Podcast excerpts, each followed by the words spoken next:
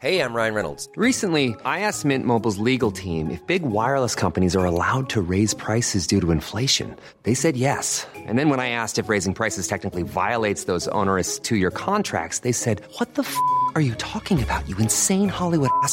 F- So to recap, we're cutting the price of Mint Unlimited from $30 a month to just $15 a month. Give it a try at mintmobile.com slash switch. $45 upfront for three months plus taxes and fees. Promo rate for new customers for limited time. Unlimited more than 40 gigabytes per month. Slows. Full terms at mintmobile.com. If you're struggling to lose weight, you've probably heard about weight loss medications like Wigovi or Zepbound, and you might be wondering if they're right for you. Meet PlushCare, a leading telehealth provider with doctors who are there for you day and night to partner with you in your weight loss journey. If you qualify, they can safely prescribe you medication from the comfort of your own home.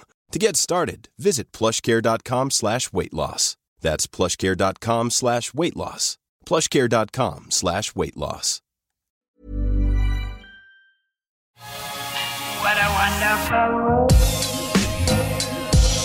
Nei, jeg har så mange, mange historier ben brenner inne så jeg er i gang med en gang, vet du. Ja, det er kjempebra. Du nevnte Finn Amat. Hva hva er det du lærte av Finn Aamodt? Ja, Finn Aamodt, angående det å, å komme tidsnok til bl.a. podiinnspilling, da, så, så sa han at eh, klarer du ikke å komme eh, tidsnok til trening, da, hvordan i alle dager skal du klare å komme tidsnok til mål? Det sa, det sa Finn Aamodt. Da jeg var eh, Da var jeg ikke gammel, så da fikk jeg det rett inn her eh, relativt tidlig. Ja. Jeg er tenker bare vi, vi gir oss med podden der. jeg. Jeg tenker det, altså, det er, jeg tenker det er mer enn nok godsaker. Altså, smak på den setningen der sånn, liksom. Den er faen meg nydelig. Klarer ikke å komme til trening.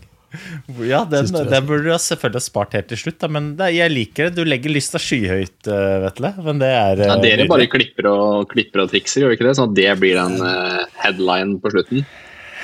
Nei, vi er så late vet du, Vetle, og så dårlige til å klippe at eh, denne podden den bare blir som den blir. Men det er en glede, en sann glede og ære å ha deg på besøk, Vetle Sjåstad Christiansen. Eh, Velkommen til oss. Tusen hjertelig, veldig hyggelig. Det er faktisk min podkastdebut, så eh, ekstra stort for meg også. Jøsse navn. Det er jo stort for hele podkastbransjen, vil jeg si. Det er en, det er jo, dette er jo en merkedag. Det er bare å merke seg først som sist.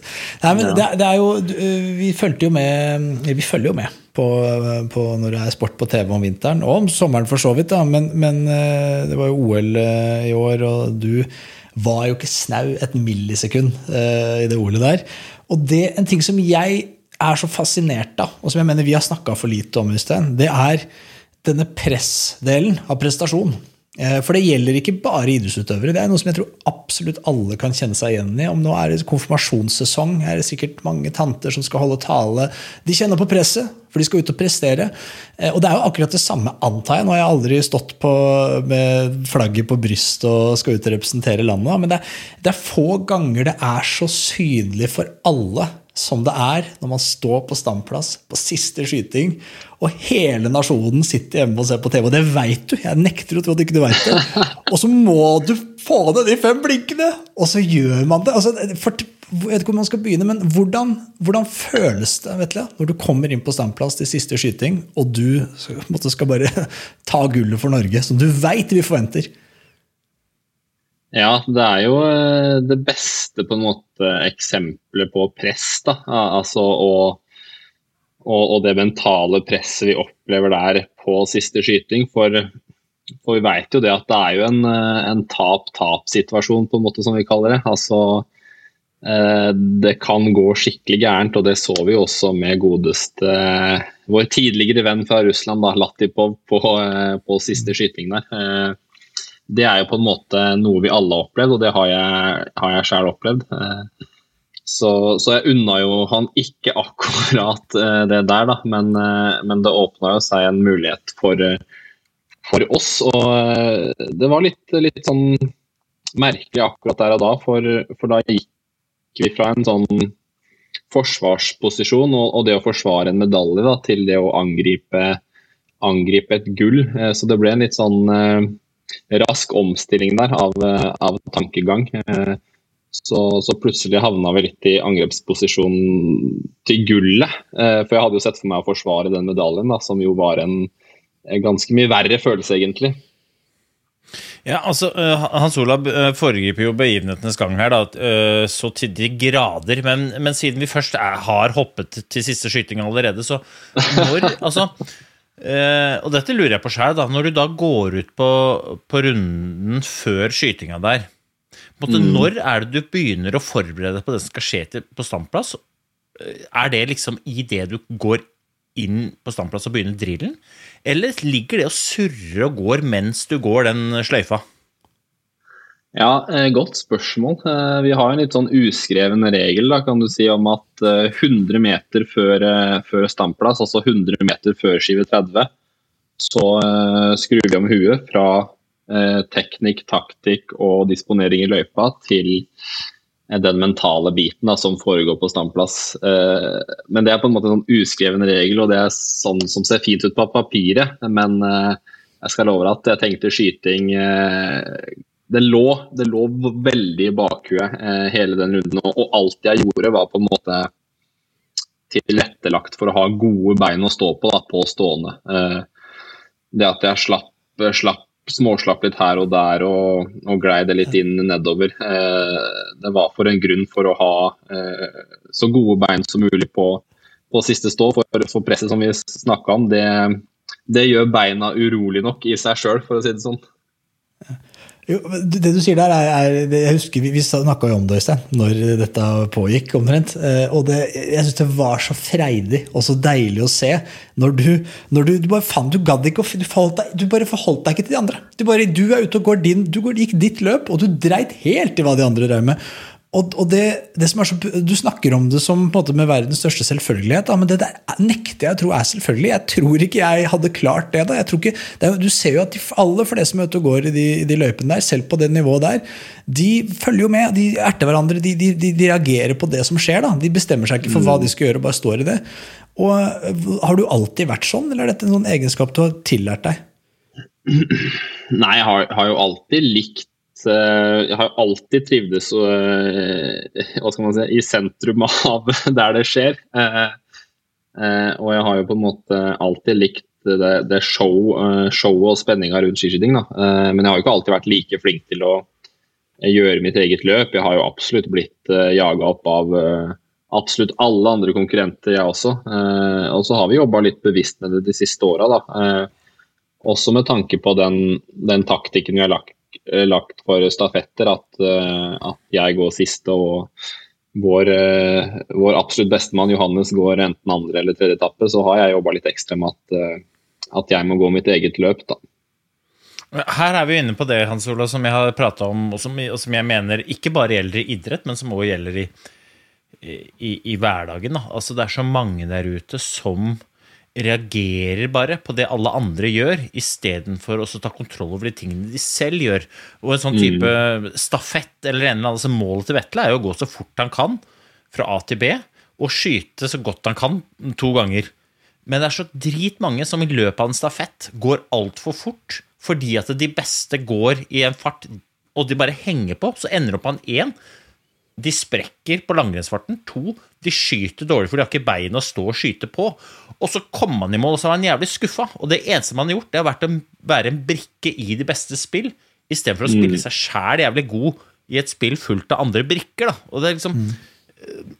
det, jeg, Vi, vi snakka om det når du gikk, for det så ut som om du bare eh, var en spiller i, i et felt. Og du kunne veldig lett ha blitt en brikke. Fordi at de to andre gutta, boys, dem gikk hakket fortere enn deg oppover. Men det, det er bare sånn, det gidder jeg ikke. Og du hadde jo, hvis du hadde villig, så hadde du selvfølgelig klart å henge på de der. Men det kan godt hende at du hadde skyter deg sjæl litt i hælen til å komme inn på standplass. da. Men jeg vet ikke hvor, eh, hvor på en måte Én ting er å si det, en annen ting er å gjøre det, som du sier. Og det er veldig lett å bli ivrig òg, da. Du taper et dumt startnummer, og så er det OL, og så er det heia, heia, liksom. Og da Det er jo lett å bli ivrig. Ja, uten tvil. Og det jeg kanskje var mest fornøyd med, var jo eh, hvor bevisst jeg klarte å være underveis der. For det er jo veldig lett å bare la seg rive med og, og, eh, og miste huet helt. Eh, det kjenner vi oss alle igjen i, i litt sånn eh, adrenalinprega situasjoner, da, som jo det der var. Eh, det var jo et adrenalinkick uten like fra fra første stavtak. Og jeg husker så godt eh, de første 100 meterne. Han Quentin Fiomaye han gikk så fort eh, opp den første dobbeltlandsbakken i Beijing der jeg tenkte bare i alle dager, hvordan skal det her gå? Eh, så jeg var veldig fornøyd med at jeg klarte å opprettholde min egen bevissthet da, eh, og, eh, og ha med meg huet hele veien. fordi det er, eh, det er nok av eksempler også for meg hvor, hvor jeg mister huet helt da, sånn med, med langrennsfart og åpningsfart. Nå kommer det spørsmål, jeg vet ikke om det er, eh, er lov å stille det, men i det du skyter ned blinkende på stående, er du da mest lykkelig, eller er du mest letta da, liksom? Helt ærlig. Eh, uten tvil mest letta. Ja, det er så, så fy faen. For det er som du sier, det er tap-tap, liksom. Det er sånn, Det er åh. tap, tap, og, og det handler jo Altså, vi, vi veit jo, jo godt om som du sier, de forventningene som er rundt oss, og også spesielt de forventningene vi har til oss sjøl. Kanskje aller mest. Altså, vi hadde vunnet alle stafetter det året og, og var jo de store favorittene før OL. Og, og vi hadde jo vært eh, greit fornøyd med en medalje, men, men det er gullet vi, vi går for. Eh, så mest letta, uten tvil. Hvor, når du gikk der med franskmannen og, og sånn, er du Tror du han blir syka ut av det når han ser at du ikke gidder å være med på hans spill? Altså, tror, du, tror du allerede der får et overtak inn mot skyting? På at du, at han, at han, han, for Det ser ut som han irriterer seg litt over at du ikke er med å dra. At ikke du er med på dette. Ja, eh, jeg tror han eh, blir psyka syka ut av sitt eget eh, forsøk på, på show, rett og slett. Altså, han, eh, han blir jo skikkelig amper og kjefter og smeller. og Det er ikke mye fransk jeg kan, men jeg skjønner jo at det var av, av negativ art, for å si det sånn. Eh, så han, eh, han spurta jo alt han kunne inn til skytingen der. eh, og han fikk jo svi for det, for så vidt. da. Så, så en han, han, han svika ut seg sjøl, tror jeg rett og slett. I, forhold til um, En ting er det presset, men, liksom, hvis vi skal ta prestasjonsbegrepet først, da. Eh, hvor bevisst er du på hvordan Vetle er når han presterer best, i det du selger på starten? da? Hvilken, hvilken tilstand er det du må være i for å prestere best? Er du, er du bevisst på det, eller er det noe som du tar litt på hæren og på dagsfølelsen? Nei, det føler jeg vi er eh, ekstremt bevisste på. For jeg føler vi som skiskyttere vi er så i, i kontakt med våre egne følelser og vi blir så gode etter hvert til å, å kjenne igjen gode følelser. Eh, og selv om det er kanskje irrelevante ting eller veldig veldig små detaljer eh, som gjelder av og til, så prøver vi hele tida å, å komme i det moduset vi vet vi har vært før. Eh, når vi har gått eh, gode renn og hatt gode følelser spesielt da, på, på skyting og på siste stå, som jo er en veldig utfordrende del av, eh, av løpet vårt. Så eh, vi prøver å være, eller i hvert fall jeg, eh, prøver å være veldig bevisst på å ta med meg gode følelser fra tidligere erfaringer. Og det, og det hjalp meg mye òg, samtidig som de forberedelsene vi hadde gjort, da, eh, og den respekten vi har for andre utøvere, og, og den respekten vi hadde for de forholdene som møtte oss i Kina. Da. Det tror jeg også hjalp, hjalp huet og moduset vårt før start her, absolutt. Ja, hvor, men hvordan er du, da? Altså, hvordan er Vetle når han presterer på sitt beste? Hvordan er det du helst vil være når du står på start, eller når du på en måte skal ut og prestere, uavhengig av hvilken arena det er på? Er det, når er du best? Jeg er best når jeg er veldig si, open-minded. Litt sånn få med meg detaljer. Eh, jeg får med meg andre som går. Eh, jeg ser gjerne på anvisning fra Sigfrid da, om de har skutt ja, Har de noen mm, tendens da, på skytinga? Eh, blåser litt? Har, har vinden snudd litt? Eh, så jeg er aller best når jeg er veldig åpen og fri, og det, og det lærte jeg egentlig av Rafael Paré, som var uh, juniortrener. Når jeg kom inn på juniorlandslaget, så trente han juniordamene i, i Norge. Eh, og han lærte oss det, da, å, å være veldig åpen og, og få, med seg, få, med seg, ting som skjer rundt. Eh, ta inn andre inntrykk og ikke låse seg helt. Og, og, og hvordan legger du da til rette for at du i størst mulig grad kan være det du sier nå? Da? Hvordan legger du opp måte, konkurranseforberedelsen for å få til det du sier? Jeg prøver å være der det skjer, egentlig. Eh, Jeg drar ikke lengst mulig bort ut i skogen for å varme opp. Eh, Jeg prøver å varme opp litt rundt stadionområdet for å eh, få med meg ting. Jeg dropper eh, headsetet når jeg varmer opp, prøver å høre litt på, på stadionlyden, hvordan det ligger an. Så jeg liker, liker å være informert, og det føler jeg hjelper meg til å dysse ned situasjonen også, på en måte. At jeg ikke gjør den Selvfølgelig, det er jo viktig, men jeg gjør den ikke viktigere enn den er ved å låse meg helt da, og tenke at dette er liv og død. Jeg prøver å være litt avslappa, og, og, og det jeg liker best, er nesten å, å se enten Johannes eller Sebbe eller en av de beste franske gå. Eh, skyte 0-0 og tenke at det her er kjørt. Gå ut og bare kjør show. Eh, så, så det hjelper meg veldig til å, å senke skuldra. Altså. Jeg, jeg, syns det her er så spennende, for jeg tenker at det er så mange der ute, enten de, om de driver med idrett eller ikke, som på en eller annen eh, i løpet av dagen skal prestere.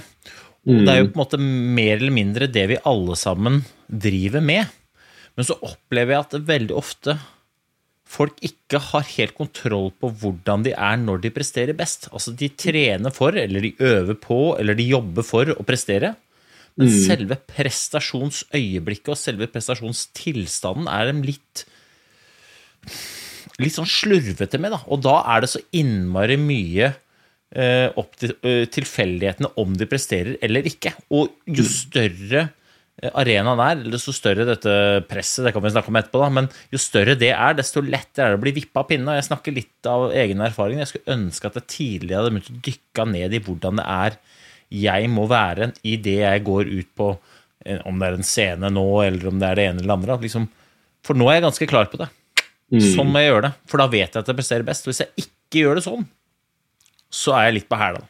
Mm. Jeg jeg bare tenkte på ting. Er det ikke noe generisk Jeg har ikke tenkt på det på den måten, men når du sa Rafael Poires eh, råd om å være åpen og til stede i nuet, så kan jeg kjenne igjen for min egen del. Når jeg, når jeg har gjort litt standup, så vet jeg de gangene eh, hvor jeg er god, det er når jeg evner å rulle med slagene, kaller jeg det. da. At jeg er mm. jeg, jeg, jeg, er feeder av det som skjer i rommet. Jeg er ikke låst til teksten min, jeg er ikke låst til noe. Jeg, er, åpen og, og tilgjengelig. Og for meg Ja, ja. ofte de gangene jeg ikke klarer å være der, det er stort sett alltid For nøkkelord for meg i hvert fall å være hvis jeg er dårlig forberedt. Hvis jeg er for dårlig forberedt, så må jeg bruke energi på å huske teksten. ok, vent litt, hvor er jeg nå? Og da bruker jeg energi på ting som ikke er å rulle med slagene. Men de gangene jeg er godt forberedt, da kommer jeg, jeg, jeg vet, altså jeg, jeg er godt forberedt. da, så jeg, Det har ikke noe problem for meg hva som foregår her nå. Jeg kan reagere på alt. Jeg, fordi jeg vet at jeg er liksom, trygg i tekst og trygg i det jeg skal. Og, og det tror jeg gjelder liksom, jeg tror kanskje det er noe generisk over det der. Eh, Øystein, du må, du, nå blir det veldig sånn scenespesifikt. Jeg prøver å tenke, Gjelder ikke det også hvis man skal prestere i et møte, eller man skal prestere i hva enn man skal gjøre av sånne ting som i hvert fall er litt sånn spotlight-ting, så tror jeg det er å være godt forberedt og tørre å være i nuet, er, er sånn generisk råd. Ja, og så tror jeg det der spiller direkte på mm, Her har du lov til å arrestere meg begge to, men, spiller ikke dette direkte på selvtillit? da? Selvtillit, ikke sant? Folk ser på folk som er gode, folk ser på de som er lekne, folk ser på de som er til stede og tenker 'fy faen, så god selvtillit det har'. Og så sier jeg at selvtillit, ja, selvfølgelig har det det, men selvtillit er jo tillit til en selv fordi en har gjort det som kreves for å være godt forberedt, slik at man kan være leken. Og hvis du steller deg der og skal være leken og er dårlig forberedt, så ser det ut som du vimser. Men når du er sjukt godt forberedt, så kan du med rette ha skyhøy selvtillit og bare være til stede og ta det akkurat sånn som eh, det faller seg. da.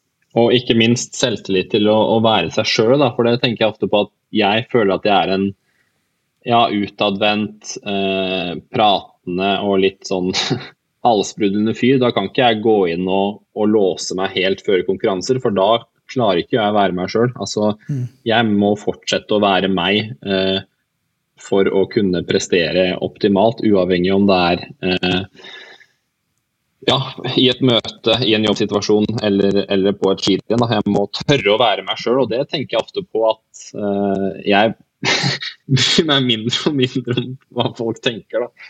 At, uh, Om meg, da, at jeg, at jeg liker bare å være den jeg er, og jeg blåser i om jeg er litt uh, rar og annerledes av og til. Men, men, men, det der krever mye mot, da. Det er jo trist som faen. Men jeg mener at det der krever mye mot, og du ser det jo i, i hverdagen, hvor folk eh, kler seg omtrent likt eh, for å på en måte blende inn og ikke være synlig. Eh, jeg er helt sikker på at det er veldig mange der inne i til å være en spiller eller være en brikke, som bare er en brikke i noen spill for å på en måte passe inn. Mm. Men i tillegg så er det også sånn i idretten så har man en tendens til å gjøre litt det som den beste gjør. ikke sant? Ja. Det var jo en periode alle skulle gå som Ole Einar Bjørnalen. Mm. Uh, og det var ikke fordi at alle var bygga som Ole Einar Bjørndalen, men det var bare for at han var den beste. Ja, men da gjør vi sånn. Også hvis han kjøper seg en bobil, skal alle kjøpe seg bobil. Og hvis han gjør sånn på oppvarminga, så skal alle gjøre det. Så hadde vi Petter Northug, og alle skulle gå rundt og slentre, og, og så skulle, vært, det skulle vært flere som var så Vetle. Jeg er meg sjæl. Eh, det, ja, men, vært, uh...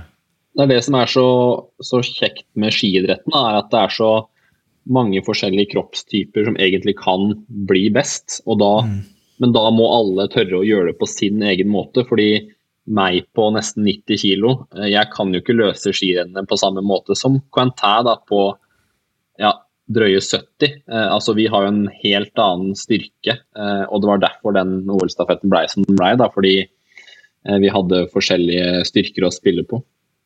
Mm. Jeg er litt nysgjerrig på det, for ikke slippe den generiske. Rafael Paré er jo åpenbart en lynende intelligent mann. Altså, men det, hvordan løser de andre gutta på, på laget det? Er det liksom det samme du ser? At de som er best, det er de som til enhver tid evner å være mest i stedet og mest i nuet? Og ha høy selvtillit, da, være best forberedt osv.? Ja, Eller er det, det andre veier til rom? Nei, det jeg syns går igjen, er, er, de som er best. Eh, det er de som eh, tør å være seg selv og, og, stole på seg selv i størst mulig grad. og Der syns jeg også Johannes er et uh, glimrende eksempel. Da. Han gjør noe helt, helt unikt både i, i treningsarbeidet og forberedelsene inn mot konkurranse. Og det er, jo, det er nok ingen som kunne vært best hvis hvis, jeg kunne ikke vært best hvis jeg hadde gjort det som han, men, men det at han tør å gjøre det på sin måte, eh, det er bare helt eh, rått å være en del av, holdt jeg på å si, være vitne til. Ja, jeg, har sett den dokumentaren de har, disse Bø-gutta. De Bø-gutta er, er, jo inspirerende på mange måter, men det virker jo som at han er Han, han virker jo helt useriøs. Altså, han virker som han helt liksom Han driver bygger noe anlegg sjæl nede på noe, Kongsvinger som bare er ikke noe anlegg. det er ikke noe, Og så jogger han litt i skauen, så kommer han til samling og blir løpt fra av samtlige, og det, det er selv inkludert. Men så kommer vinteren, da, og så er det første verdenscuprenn, så bare det er det beste i verden igjen. da. Der er han. Ja, ja. Han er jo på en måte i hva skal man si, motsatt ende av Ole Einar. Der Ole Einar flytta inn i bobilen for å forflytte seg til steder hvor det til enhver tid var best å trene skiskyting, så har Johannes da valgt å flytte til Kongsvinger, der det ikke er rulleskøype, det er ikke skiskytterstadion. Eh, og han måtte da bygge denne ene skiva for å få skutt litt. da. Eh, eh, så han er jo helt unik i så måte, da. Men, men, så er det jo òg det, da, til på en måte uh, Og dette kjenner jeg veldig godt igjen. Det er et slags sånn image om å være litt sånn slurvete i kantene. Ja, ja, ja. Uh, jeg kjenner det veldig godt igjen fra Petter Northug. Han hadde akkurat samme liksom, hadde sånt image om at det var litt sånn frynsete, det var sladda innom og tjo og hei. Men liksom, hvis man begynner å se på det de faktisk gjør når de gjør tingene sine, Mm. så er de helt ekstremt nøye. Da. De forberedelsene som Vette snakker om, som Bø Nå kjenner ikke jeg eh, Johannes sin trening så godt, da, men de forberedelsene som Johannes gjør, de gjør han liksom ikke på morgenen før rennet. De, de, de er De er gjort så sinnssykt godt forarbeid forberedt ganske lang tid i forkant, slik at når han kommer til rennet, så vet han bare hva han skal gjøre. Det, mm. hvis, du ser på, uh, hvis du ser på de beste Uansett hva det er, om det er i idrett, eller om det er i næringsliv, eller om det er annet, se på hvordan de bruker tiden sin. For det er der nøkkelen ligger. Liksom, hvordan de faktisk fyller tiden sin og bruker tida si. Og de kaster nesten aldri bort noe tid på ting som ikke betyr noe i forhold til det de skal holde på med. Og der, der er de gutta ganske rå, selv om det ser ut fra, utsiden ser ut som de bare surrer rundt. Det gjør de ikke. Nei, det, det kan jeg skrive under på at uh de som ser eh, mest sløve, sløve, ut på utsida, det er de som har, eh, har de aller råeste forberedelsene og er mest på da, eh, når de skal være på. For Eh, for de har også så gode mentale pauser når de er av, at de kan være så ekstremt fokuserte og dedikerte da, eh, når de først eh, begynner jobben. Og jeg kan jo fortelle en, en annen historie her, da, når vi først er inne på det med frynsete rykte. Jeg kan kanskje velge å kalle han utøver X. Det er da en tidligere, tidligere skiskytter som ja, han, han, gjorde vel en ganske solid innsats for å framstå ganske slack, da. Eh, og, og, litt sånn Han brydde seg ikke så mye. Men, men man kom, da man kom til konkurranse, så var det han som stilte med én tynn sokk på venstrefoten og én tjukk sokk på høyrefoten fordi han hadde noen uh, få millimeter eh, større fot da, på den ene foten enn den andre. Uh, så da var han helt ekstremt rå på, på de detaljene når han først måtte skru på. Så eh, man skal ikke tro på alt man, eh, man, leser, for å si det sånn. Jeg prøver bare å tenke på hvem det var, jeg. Hvem, hvem er det? det, var, eh, det var vel Emil Egge Svendsen, denne Utevex. Ja, altså er det, altså det som er jævlig gøy, er at folk misforstår det å være på. Og så tenker jeg at de som er på, er på hele tiden, men de som er på, det er jo de som er mest av også. Det er derfor de er på. Resten er bare i mm. midten. Mm. Vi er bare i midten. Vi er liksom du bare slurer og går på sånn jevnt turtall, mens de råeste, de er liksom på, og så er de av. Altså, eh, Northug han kunne gå flere dager på sammen uten å dusje. Gadd ikke dusje. Hvorfor? Fordi at han bare nei, Det var ikke Det gjorde han ikke noe bedre. Han bare ga helt Og det, det var jo helt krise i kanoen å trene sammen, ikke sant? Men nei. Han, det sånn var det. Sparte krefter.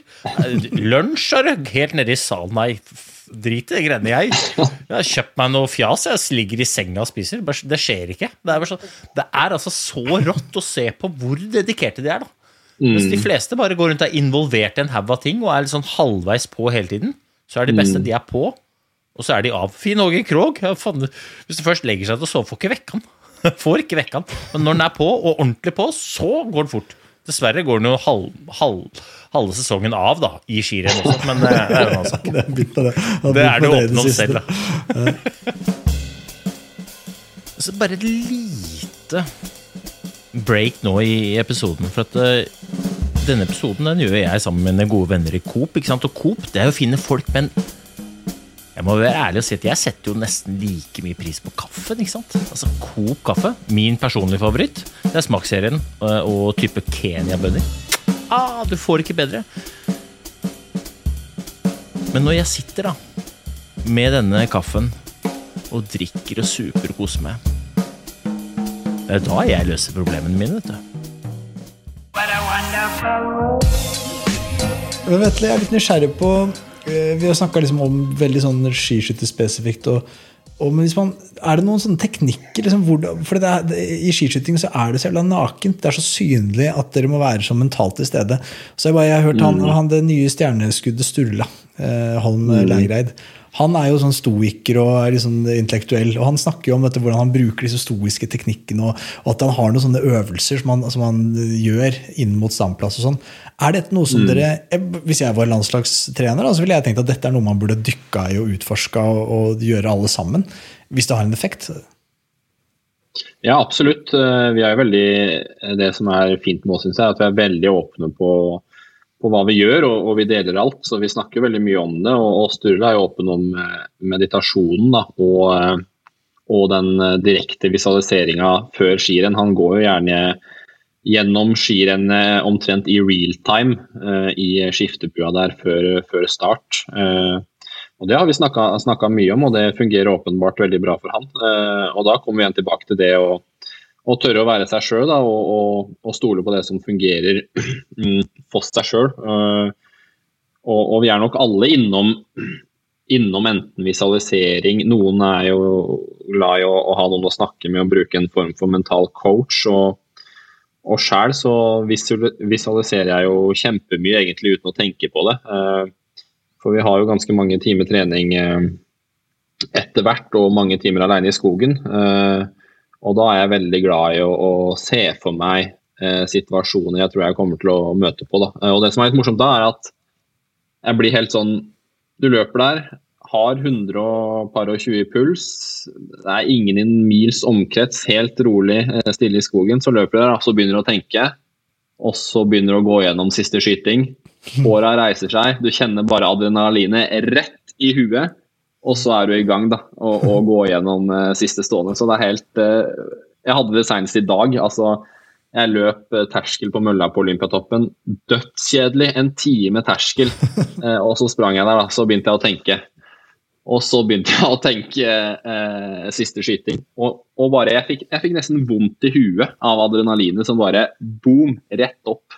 så det er veldig sånn ja, det skjer veldig naturlig at man bare begynner å, å, å se for seg eh, rennsituasjoner og, og eh, spesielt siste skyting på vår del da, og pressa situasjoner. Eh, og det er veldig mye sånn naturlig visualisering, føler jeg, uten at jeg tenker så mye over det. Men det bare det kommer naturlig. Tror du du kommer til å fortsette med det når du er ferdig? Altså, Kommer du til å fortsette å forberede deg og visualisere og, og når du er ferdig som idrettsutøver? Eller tror du du kommer til å legge det vekk? Nei, kommer uh, uten tvil til å fortsette med det. fordi Det mener jeg er en av de beste teknikkene for å lære på, på generell basis. Og det sa faktisk uh, Jeg kjørte opp på god Nei, det sa ikke Rafael Paré. dette, dette sa Rolf, Rolf, sa det her. Eh, han var da kjøreskolelæreren min på Gol. det var ikke veldig vanskelig å kjøre på Gol. Det var én rundkjøring og noen svinger, men, men allikevel, det var noen som klarte å klarte å stryke der også. Men, men han sa det. Det beste jeg veit, det er å ha idrettsutøvere som skal ta lappen. For de er forberedt når de kommer.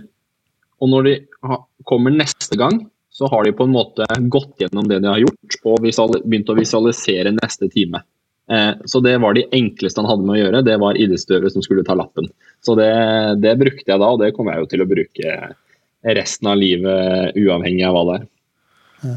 Ja, så, så, Visualisering er jo åpenbart et knep som uh, vi oss fotfolk også kan uh, plukke opp. Da. Men uh, er det noe sånn Som du sa at 100 meter før standplass så begynner drillen. Kan du ta oss gjennom mm. drillen? Altså, Hva er det du gjør for å cleare hodet? Sånn helt konkret. Hva er liksom landslagsmodellen for å være best rusta i huet? Ja, det er jo en hemmelighet, da. Nei, vi er veldig.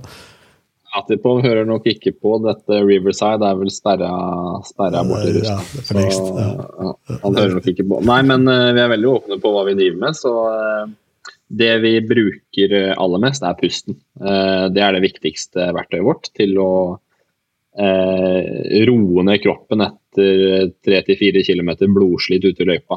så da er det pust, og pust med mage, og dype pust. Og så har vi gjerne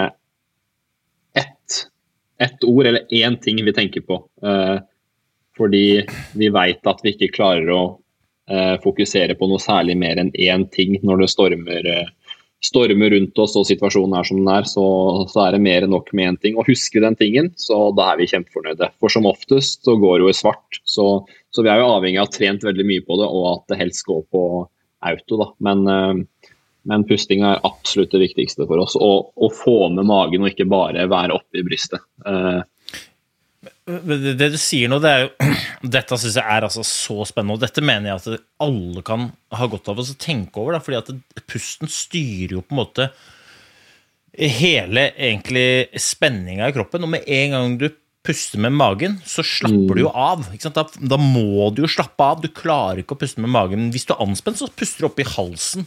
Og, og da blir det korte pust, så blir du stressa så du skal skyte. Så det går jo ikke. Og, og det andre du sier, det er jo liksom å bare finne én ting og så på en måte konsentrere seg om. Eh, vi har jo bygget opp et samfunn hvor folk går rundt og skryter av at de er gode til multitasking. Mm.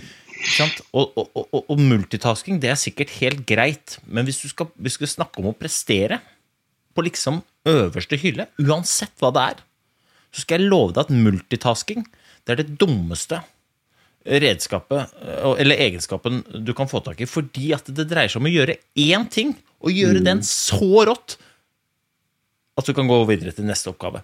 Og så kan du ta neste den oppgaven. Men hvis du gjør litt mange oppgaver på en gang, oh lord, da går det dårlig. Mm. Mm. Det er vel ingen av oss øh, medisinere, men jeg tror det med puste med magen tror jeg som har sentralnervesystemet, og det tror det er en del ting der som, så det tror jeg er ganske sånn vitenskapelig. Jeg vet kanskje du mer om eh, Vetle. For det tror jeg alle kan kjenne seg igjen i. Jeg tror det er, Dette er vel litt sånn meditasjon 101. Det der å puste med magen. For at folk flest går jo hele dagen, ikke bare i når de er spente, men de går hele dagen og puster her oppe. Før det er først Ja, ja. legger seg og sover. Og selv om de sover, så puster de her oppe. Det er jo sånn folk blir kronisk stressa. Liksom. Ja, og for oss handler det jo veldig mye om ja, den produksjonen av laktat og å begynne å, å vaske ut den også da, mens vi står og skyter. Fordi eh, står man bare og puster opp i brystet og har små, korte pust, så får man bare mer og mer laktat selv om man står stille. Da. Eh, og det å koble inn magen der, det hjelper eh, veldig på å bli litt eh, freshere til man skal ut og gå igjen. Ja, og så er det en annen ting der som er jævlig spennende, som egentlig penser inn på det du nevnte om med stress. Hans Olav, fordi at Jeg spurte jo Vetle når begynner du å tenke på neste skyting. Og så sa han 100 meter før flytter jeg fokus. Men det vanlige eh, i hverdagen er jo at du går rundt og så er bekymra for de tingene som kommer langt fram i tid. Veldig tidlig. Så lenge før det kommer, så går vi rundt og er bekymra for det. Og hva er det det skaper? Jo, det skaper stress. Som igjen fører til at du puster her oppe. Og hvis du da går rundt hele tiden og bekymrer deg for ting som skal skje om en uke, om to uker, om tre uker, så tror jeg at folk ender opp med å bli stressa, istedenfor at de bare er til stede her og nå. Når den tingen kommer, ok, men ta den da, da. Ikke hold på med multitasking, for det ender opp med at en, du får ikke gjort så jævlig mye så innmari bra, og to, du kommer til å være sliten når du kommer inn på den arenaen som du har grua deg til i en uke og skal prestere på, og så presterer du dårligere enn du kunne, og så får du bekrefta at det var riktig å grue seg, og så forsterker du den effekten til neste uke, og så er du i gang, da. Ja, og da, og da tror jeg på en måte vi må tilbake til forskjellen mellom de, de aller beste og de som ikke klarer å nå toppen. Da. At de aller beste igjen, de, de har så mye tid av i huet eh, at, at når de først kommer til den eh, pressa situasjonen, så løser de den mye bedre fordi den ikke har gått og gnagd i mange dager, i mange uker. Da. Eh, og, og det er på en måte en måte å være bedre forberedt på enn det å gå og småtenke og småtenke og småtenke på den eh, situasjonen. Da. Selv om det, ja, det høres litt rart ut, men det beste er å ikke tenke over det. Eller tenke på det. Men, tro, men tror du ikke at folk er, Jeg liker ikke uttrykket 'folk flest', da, men jeg sier det likevel, for det er ikke alle som driver med skyting, skiskyting på i olympisk nivå opp på siste etappe. Eh, Men, men tror du ikke at folk har godt av å måte gi seg selv litt slack, da? I et samfunn som er bygd opp rundt liksom eh, akselerasjon eller hastighet eller ekspansjon eller, eller krav. At man på en måte gir seg selv litt slack til å hvile, slik at man kan være mye mer på når det virkelig behøves. Istedenfor at man har på en måte gassen sånn, prøver, Slurer på gassen hele tiden. Jeg tror det er eh, ekstremt eh, underdrivet den, altså den tanken om uh, mental hvile. Da. At man får litt, ikke bare fysisk pause, men, men, men pause i hodet. Og man kan godt være eh, på hele tida, men, men så lenge man er på på forskjellige ting på en måte, at du kan ikke være på jobben hele tida f.eks., men eh, kommer du hjem så kan du være på, på med barna da, eller på å bygge Lego eller på å se serier. At du kan være på den tingen, men at eh, det er noe annet da, enn du, enn du er vant til, og, og noe annet enn det du skal prestere på. Da. Ja, men da vet vi jo eh, Da vet du at de fleste som ligger og ser på serier, de ligger jo også og ser på mobilen samtidig. De fleste som er sammen med barna, de har jo veldig ofte øynene litt på mobilen. De fleste som gjør det ene, eller de fleste som gjør det andre, har jo ofte en eller annen slags stimulus som gjør at du ikke får til akkurat det du sier. For vi driver med multitasking, eller vi er opptatt med andre ting i tillegg, og så er vi involvert i så mye at vi ender opp litt, så, litt for slitne til å virkelig mobilisere når det kreves. Og så Ja. blir vi bare nest best, eller tredje best, eller midt i haugen. Ja, da blir det jo litt sånn gående, gående der og, og vibrere hele tida, da. Eh, og, og, og det er derfor jeg liker det, eller det som jeg så vidt sa, at du, du må gjerne være Og det beste er jo å være på hele døgnet når du gjør én ting om gangen. Eh, og andre ting enn du er vant til. At du ikke hele tida må, må sjekke Instagram, må sjekke Snapchat og, og må, må være litt sånn der det skjer hele tida, men at du, du tør å koble deg litt vekk fra omverdenen. Og det har jeg har jeg følt på sjøl òg, at, at den her eh, mobilen, den utenom at du vil eller ikke, den tar jo over livet vårt. Og jeg gikk jo til det steget for et par år siden at Snapchat, nei. Det, det, det er jeg ferdig med nå. Det blir for mye når det er Facebook, Instagram, Snapchat. Én ting måtte bort. Eh, og da var det sånn hmm, Facebook, ja der har vi jo gruppa på sameie, jeg kan ikke melde meg til den. Jeg må jo være litt sånn vite når det er dugnad og litt sånn arrangementinformasjon skjer ofte på Facebook. Instagram, eh, det kommersielle, kommersielle livet rundt skiskyting, det skjer jo på Instagram, så der får jeg være. Snapchat, ok, det ryker. Eh, og det var den beste avgjørelsen jeg hadde tatt eh, i hele mitt liv, tror jeg. Bare få det, få det bort. Få, har du mye litt... tid til, til, å lage dansevideo på TikTok, tenkte du? Yes, det er det du ja, trenger. Da får man, og det beste, da, da, da, får jeg liksom litt mer tid til å kjede meg, og det som skjer da, skjer da, er at man blir kreativ når man kjeder seg. Og da finner man på litt sånn artige ting.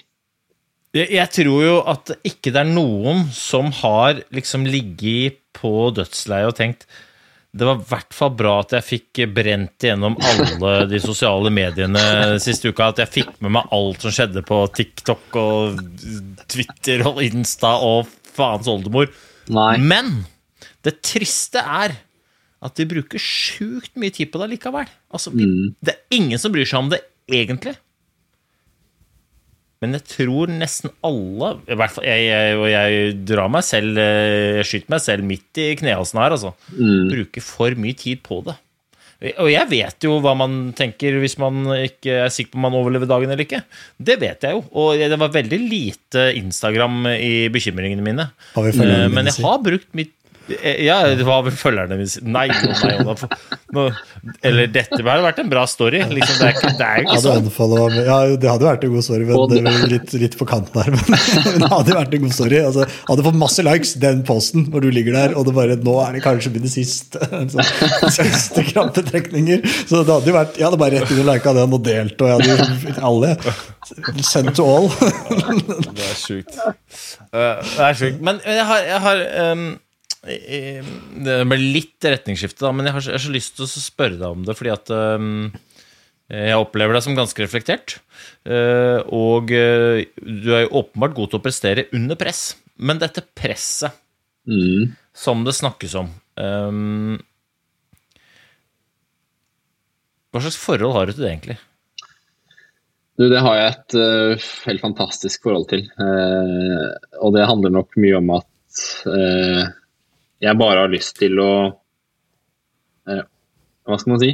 Oppleve Oppleve fantastiske ting i livet. Eller jeg har lyst til på gode opplevelser, og, og jeg har ikke lyst til at andre skal eh, komme og ødelegge mine mm, opplevelser i hverdagen. Så, så, det at andre forventer noe, eller at ekspertkommentatorer forventer noe eller mener noe, eh, det tror jeg kanskje er det jeg bryr meg minst om. Og, og det som sies og skrives og uh, ja, forventes, det, det syns jeg bare er uh, en fantastisk del av uh, hele idretten. Da. At jeg, jeg, aksepterer jo det at det hadde jo ikke vært interessant om det ikke hadde vært forventninger.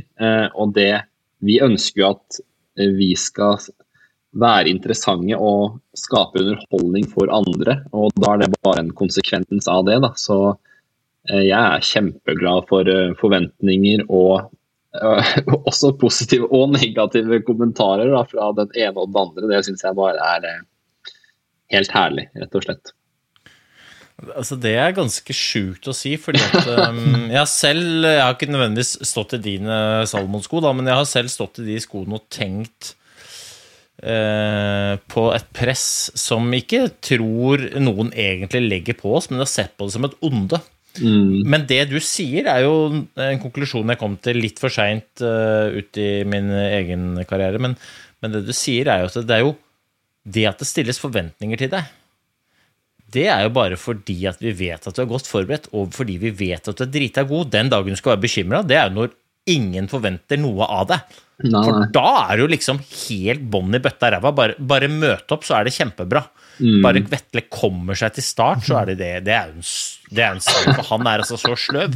Men vi forventer at du kommer dit, stiller på start, godt forberedt, og at du Og så håper vi jo at du kommer Vi har jo ikke noe rett til å forvente at du skal vinne, men vi håper jo at du skal vinne, og så merker ofte utøveren det som et sånt forventningspress.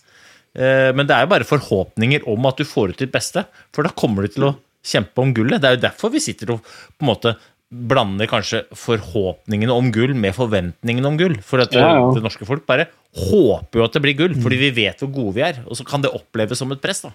Ja, og, de, og det presset er som du sier bare et resultat av den gode treningsjobben du har lagt ned gjennom alle år. Da, og, og, og så god du har blitt eh, på en måte. Da, da er det jo bare naturlig og veldig hyggelig, veldig positivt med press. Eh, for da har du Det er jo en anerkjennelse. Da har du gjort en veldig god jobb fram til det, det skirennet du skal gå der og da, hvor det kanskje er litt eh, press. da. Så det det syns jeg utelukkende er, er positivt. Tenk, det er jo det som skaper adrenalin også. Og det er jo adrenalinet som vi lever av, det er jo det som er følelsen vi ønsker å, å oppnå. Den, den, eh, det kicket man får. Og jeg bare husker jeg gikk over målstreken her på stafetten, og de andre gutta bare møter meg der. Det er jo det. Er jo det, det er jo følelsen. Det er det som er det vi ønsker å oppnå. Der så jeg Lukas Bråten, eh, vår nye alpinstjerne, skrev eh, noe veldig fint på Instagram eh, etter at den eh, slalåmkula glapp der eh, siste helga til Henrik vel. Så skrev han at jeg, jeg står ikke på ski for statistikken sin del, jeg står på ski for reisen sin del. Da, og de opplevelsene man får på veien. Så da kan det være samme om den slalåmkula glapp eller ikke. Det har vært jæskla morsomt allikevel. Så det er litt sånn Det, det traff meg skikkelig, og det syns jeg var veldig sånn forbilledlig sagt. Eh, fikk jeg litt frysninger her på genser, men jeg kjente jeg fikk frysninger når jeg snakka om det der. Men, eh, men det er eh, det man, man føler på, da, det som er på en måte det positive med press også. Det der er um, Jeg stiller meg 100 bak det. Jeg kjenner meg veldig godt igjen når jeg sier at uh, suksess er følelser. Det måles ikke medaljer. Det er jævlig gøy å vinne medaljer, men det er jo følelsen. Og så er det Det du òg sier, da, er at de følelsene de er jo sterkest når utfordringene er størst. Og selvfølgelig sterkest når utfordringene er størst, og du mestrer de. Men liksom, jo større utfordringer du står i, jo større problemer, jo større hinder du, du står ovenfor, det å tørre å sette flomlyset på det, det å tørre å stelle seg på startlinja godt forberedt, i en sånn tilstand som at du kan prestere på ditt beste, og nyte at folk har forhåpninger til at du får ut ditt beste, for da kommer du til å klare det. Hvis du gjør det og mestrer de følelsene Det er jo de Lukas snakker om, det er de du snakker om også. De der, den følelsen, du driter jo egentlig i den medaljen. Ja, ja, Men det, å kunne gå de der siste 100 metera inn og møte gjengen bak den røde, dumme streken og si faen, vi klarte det. En klem og en brofist og et vi driter i koronareglene nå, eller? Så Det er jo det det dreier seg om, da. Og det jeg skulle ønske at det, Igjen tilbake til alle de som lytter som ikke nødvendigvis driver med idrett. Jeg skulle ønske at vi så på utfordringer sånn. da. Turte oss å sette flomlyset på det, få litt perspektiv på det, spille oss selv god. Istedenfor å la liksom styggen på ryggen prate oss ned og trøkke oss ned i gjørma og, og, og lage disse mentale barrierene som, som gjør at eh, det problemet blir verre enn det er. Eller som du sa forbilledlig i starten, jeg trenger ikke å gjøre skiskytinga mer alvorlig enn det allerede er. For det er egentlig bare fjas, men vi har en tendens til å gjøre det så gravalvorlig, da. Ja, ja, absolutt. Og inne på den diskusjonen der, så må jeg skyte en historie til, vet du. Eh, Deilig. en, av, en av mine aller beste opplevelser som, som skiskytter, og, og et av de minnene som jeg kommer til å sette, sitte igjen med lengst eh, og husker best etter karrieren, eh, det var fra før jul. Eh, Le Grand Bournard, skirenn i Frankrike. Det var vel eh, omtrent det eneste skirennet vi fikk gått med publikum eh, ja, i år, da, eller før etter OL. Mm. Det var vel 30 000 elleville franskmenn, da. Og jeg gikk ganske, ganske bra. Jeg ble nummer fem. Det var ikke noe sånn å juble kjempehøyt over. Eh, Det ble dobbelt fransk. Eh, Jacquelin og Quentin. på toppen av pallen, og så er det premieutdeling. Så står vi der, da. Eh, som regel så er jo folk litt sånn halvgira, halvgira på premieutdeling, og det er ikke, folk har begynt å gå. Men der var det da stappa fulle tribuner, og de dro i gang da med den franske nasjonalsangen uten, uten lyd på lydanlegget, men publikum begynte bare å synge. Og det var altså et så, en så ellevill stemning. Eh, Det var så høyt, og det var så eh, rørende, og de gråt på toppen av pallen, og jeg sto der og bare begynte å grine sjæl på, på femteplass der, da. Eh, Og det, det sitter jo da igjen som en av mine største opplevelser som skiskytter. Ble nummer fem og bare yes! Det her var rått. Så det er litt sånn da, da skjønner man at det er opplevelsene som, som gjelder. Det er ikke nødvendigvis resultatet, eller det er ikke resultatet, men det er opplevelsen av ofte sine egne prestasjoner. Eh, Og ofte kan jo det være kjempebra om man blir nummer fem, og opplevelsene eh, man får ta del av av andres gode prestasjoner, for å si det sånn. Det er, eh, du har helt, helt rett. Men jeg er nysgjerrig på en annen ting, Vetle, når vi først har det. Det er, eh, er jo liksom forskjellen, eventuelt likhetene mellom langrenn og skiskyting. Eh, nå er det jo, det første spørsmålet kan være hvordan liksom opplever du det i Norge? Skiskyting er jo en verdensidrett på en helt annen måte enn hva langrenn er. Men om du leser norske aviser, så det, tror man jo at langrenn er den dominerende idretten. Hvordan forholder dere norske skiskytterne dere til det?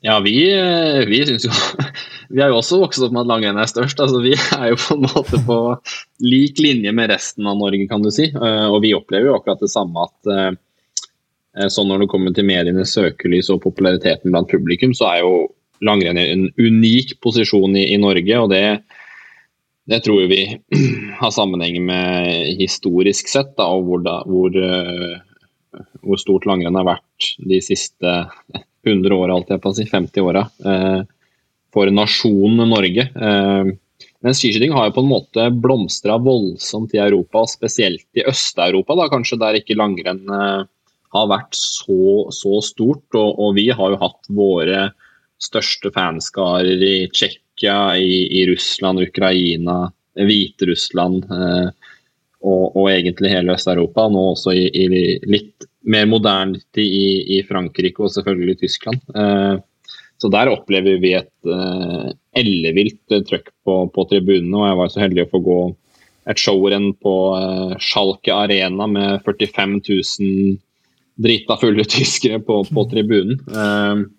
Så vi ser jo det at, at skiskyting er en unik posisjon i forhold til, til langrenn i Europa, men, men vi at vi på en måte ikke får like mye oppmerksomhet eh, i, i norsk målestokk, da kan du si. Det kunne vi ikke brydd oss eh, noe mindre om, eller i hvert fall ikke jeg. Men, men hva tror du, for du, du sier litt der, dette er min opplevelse da, sett utenfra, at, at skiskyting og med i BU, da kan du si hva man vil om de sikkert, men er det en ting de har skjønt, da, så har de skjønt at liksom, man må være, tenke kommersielt. At. Altså Sport konkurrerer med alle annen underholdning, du konkurrerer med Netflix, du konkurrerer ikke mot, liksom, mot øh, øh, altså, annen, annen idrett nødvendigvis, det er en underholdning du selger da. Eh, mens langrenn mener jeg ikke har skjønt det i det hele tatt. Og ser man ikke litt i konturene av det? Hva, hva, hva tenker dere om det? Altså, sånn, merker dere at altså, Jeg tror tror ikke det er så sikkert at om 10-15 år så er langrenn eh, mye større sport enn skiskyting i Norge. Jeg, jeg tror jeg ser at skiskyting har på en måte, det er, de er forskjellige kurser her. da. Langrenn bare taper og taper og taper terreng. Skiskyting vinner og vinner og vinner terreng.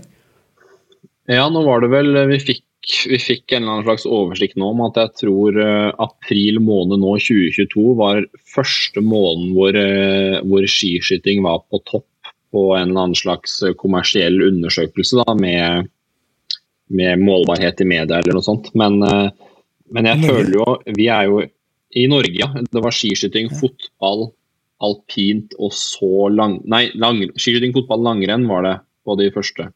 Eh, og det var vel første gang skiskyting hadde passert både langrenn og fotball. Eh, men, men vi er jo strålende fornøyd med vårt internasjonale særforbund. Og, og, og det har nok med at vi er mye mindre også. Eh, langrenn er jo en del av FIS, og vi har jo kun oss selv å tenke på, kan du si. Og, og vi føler vi har en veldig sånn tilgjengelig informasjonsflyt oss imellom, og at de veldig ofte tenker på utøverens beste og dra med utøvere inn i diskusjonen. Da. Eh, kan referere til OL hvor, hvor, de var veldig tidlig på å flytte renn når det ble for kaldt. Mm. blant annet, og det vet jeg at langrennsløperne var litt irritert på at, at FIS ikke hadde, hadde, sett det med en gang. Da, at de kunne flytte litt skirenn når de så langtidsvarselet der. Eh, også med tanke på utvikling av sporten. Det er ikke så veldig lenge siden, siden skiskyttere skøyt på pappblinker og man måtte få vite resultatet etter rennet var ferdig. Uka etterpå.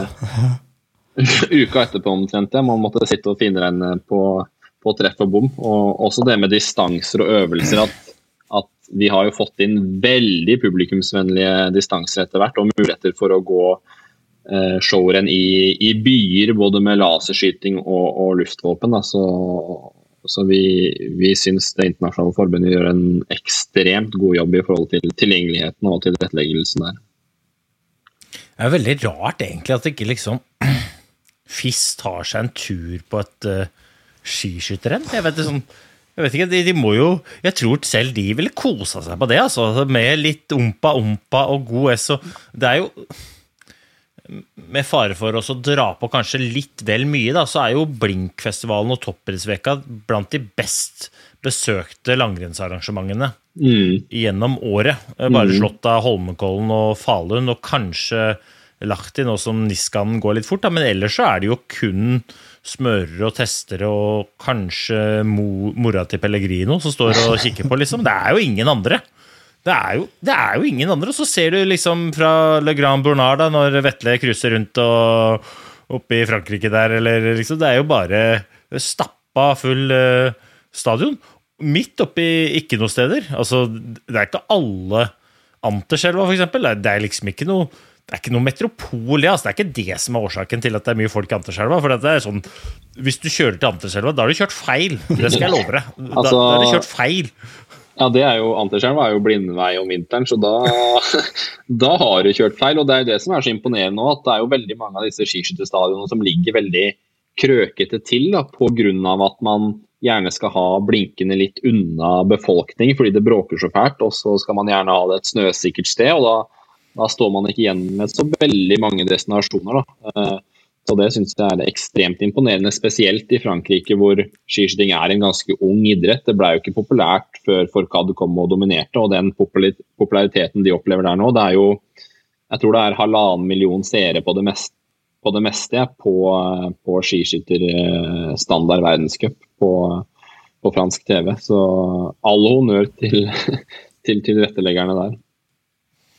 Det, ja, det, det er liksom og så er det jo et viktig poeng da, at i, i, og med at det er underholdning, så må man òg treffe de som ikke nødvendigvis er der for idretten, men som er der for underholdninga sin del. Og det, mm. i Skiskyting har jo en dramaturgisk en veldig fin oppbygging. Men, men, hvis man ser bort ifra det som skjer på arenaen, så må man jo treffe de folka som kan være der uten å få med seg noe. Jeg har selv gått sprinteren i, i Düsseldorf noen ganger. Eh, masse folk. Jeg tror ingen så Men det var sjukt god stemning! Mm. Fordi det var Glyvein og julemarked, og så var det noen fyrer, inkludert av meg, da, som føyk rundt midt inne der. og Det var litt krøkkete å komme seg til og fra noen boder, liksom, men det var god stemning. Jeg vet ikke hva de holdt på med, de på ski der. Og litt, det, det, er det du må skape.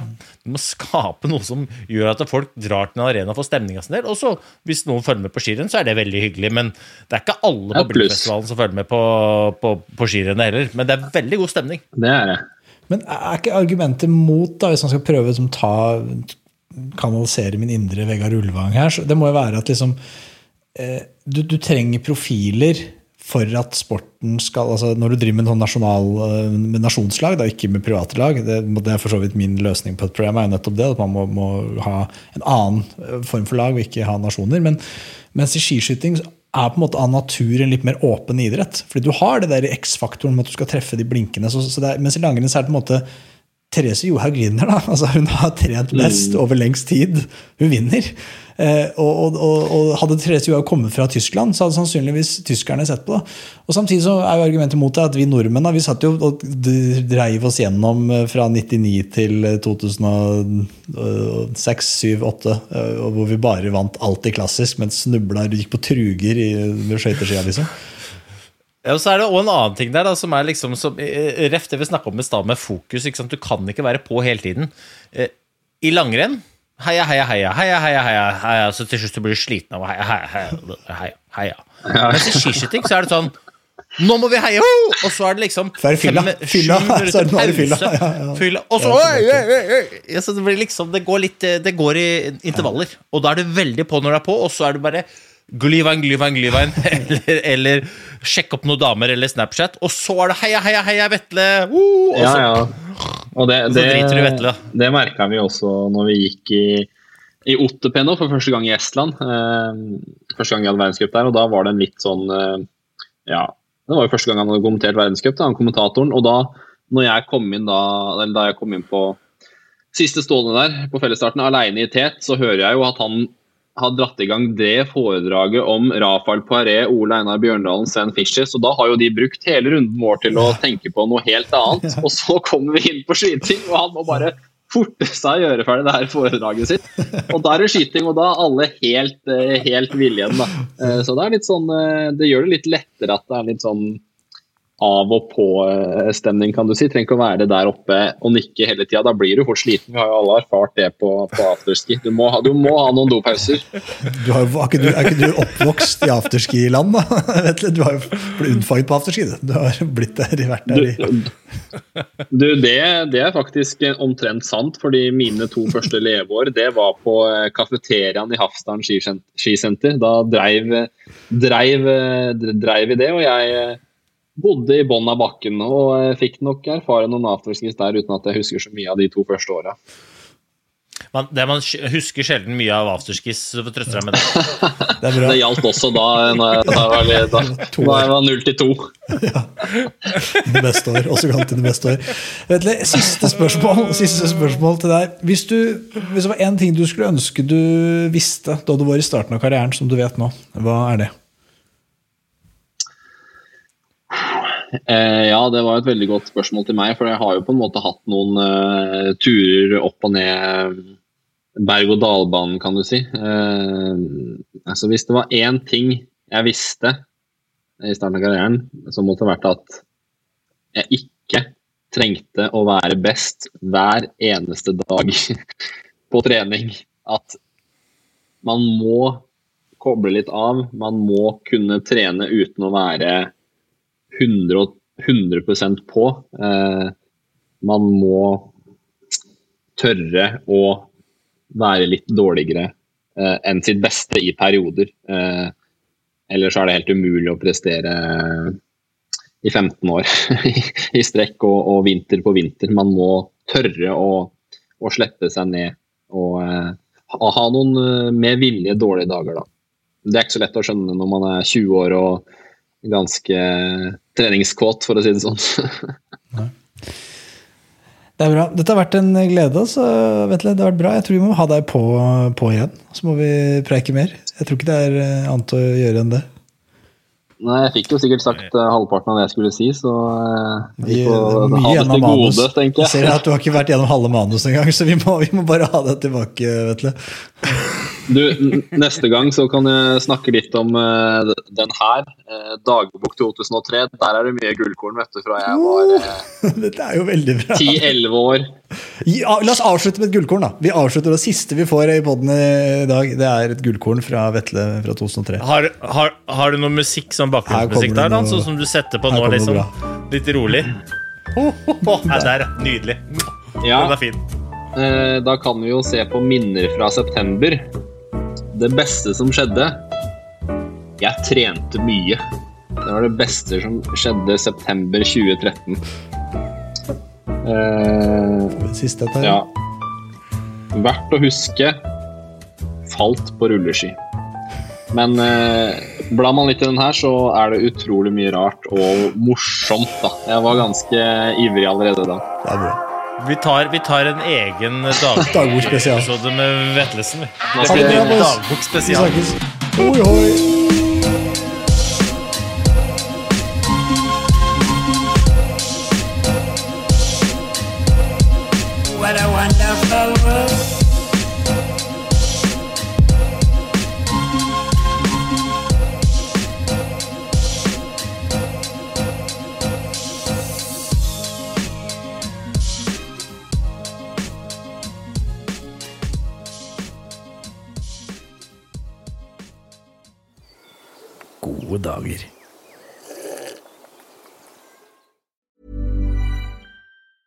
Hey, it's Danny Pellegrino from Everything Iconic.